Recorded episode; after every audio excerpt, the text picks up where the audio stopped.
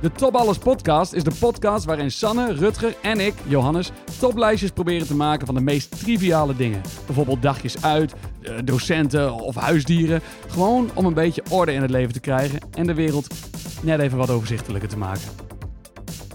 Dat waren de dingen die je kon doen met je lichaam. Dat was toch wel geweest. Nou, ik kon wel meer dingen doen met mijn lichaam in de kerk, maar dat deed ik niet. Ja, precies. Je bedoelt meer Ja, als een periode. de Dat- grijze periode van Picasso. Zo heb je de Ja. dictatenbakperiode gehad Van Sanne. Dus dan zie je soms eh, gewoon af en toe een lollig woord of zo. Ja. Oh ja.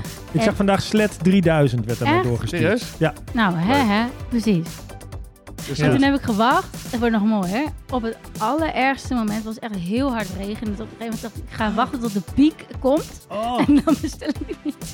toen kwam de jongen echt aan met een glutenvrije pizza ook natuurlijk.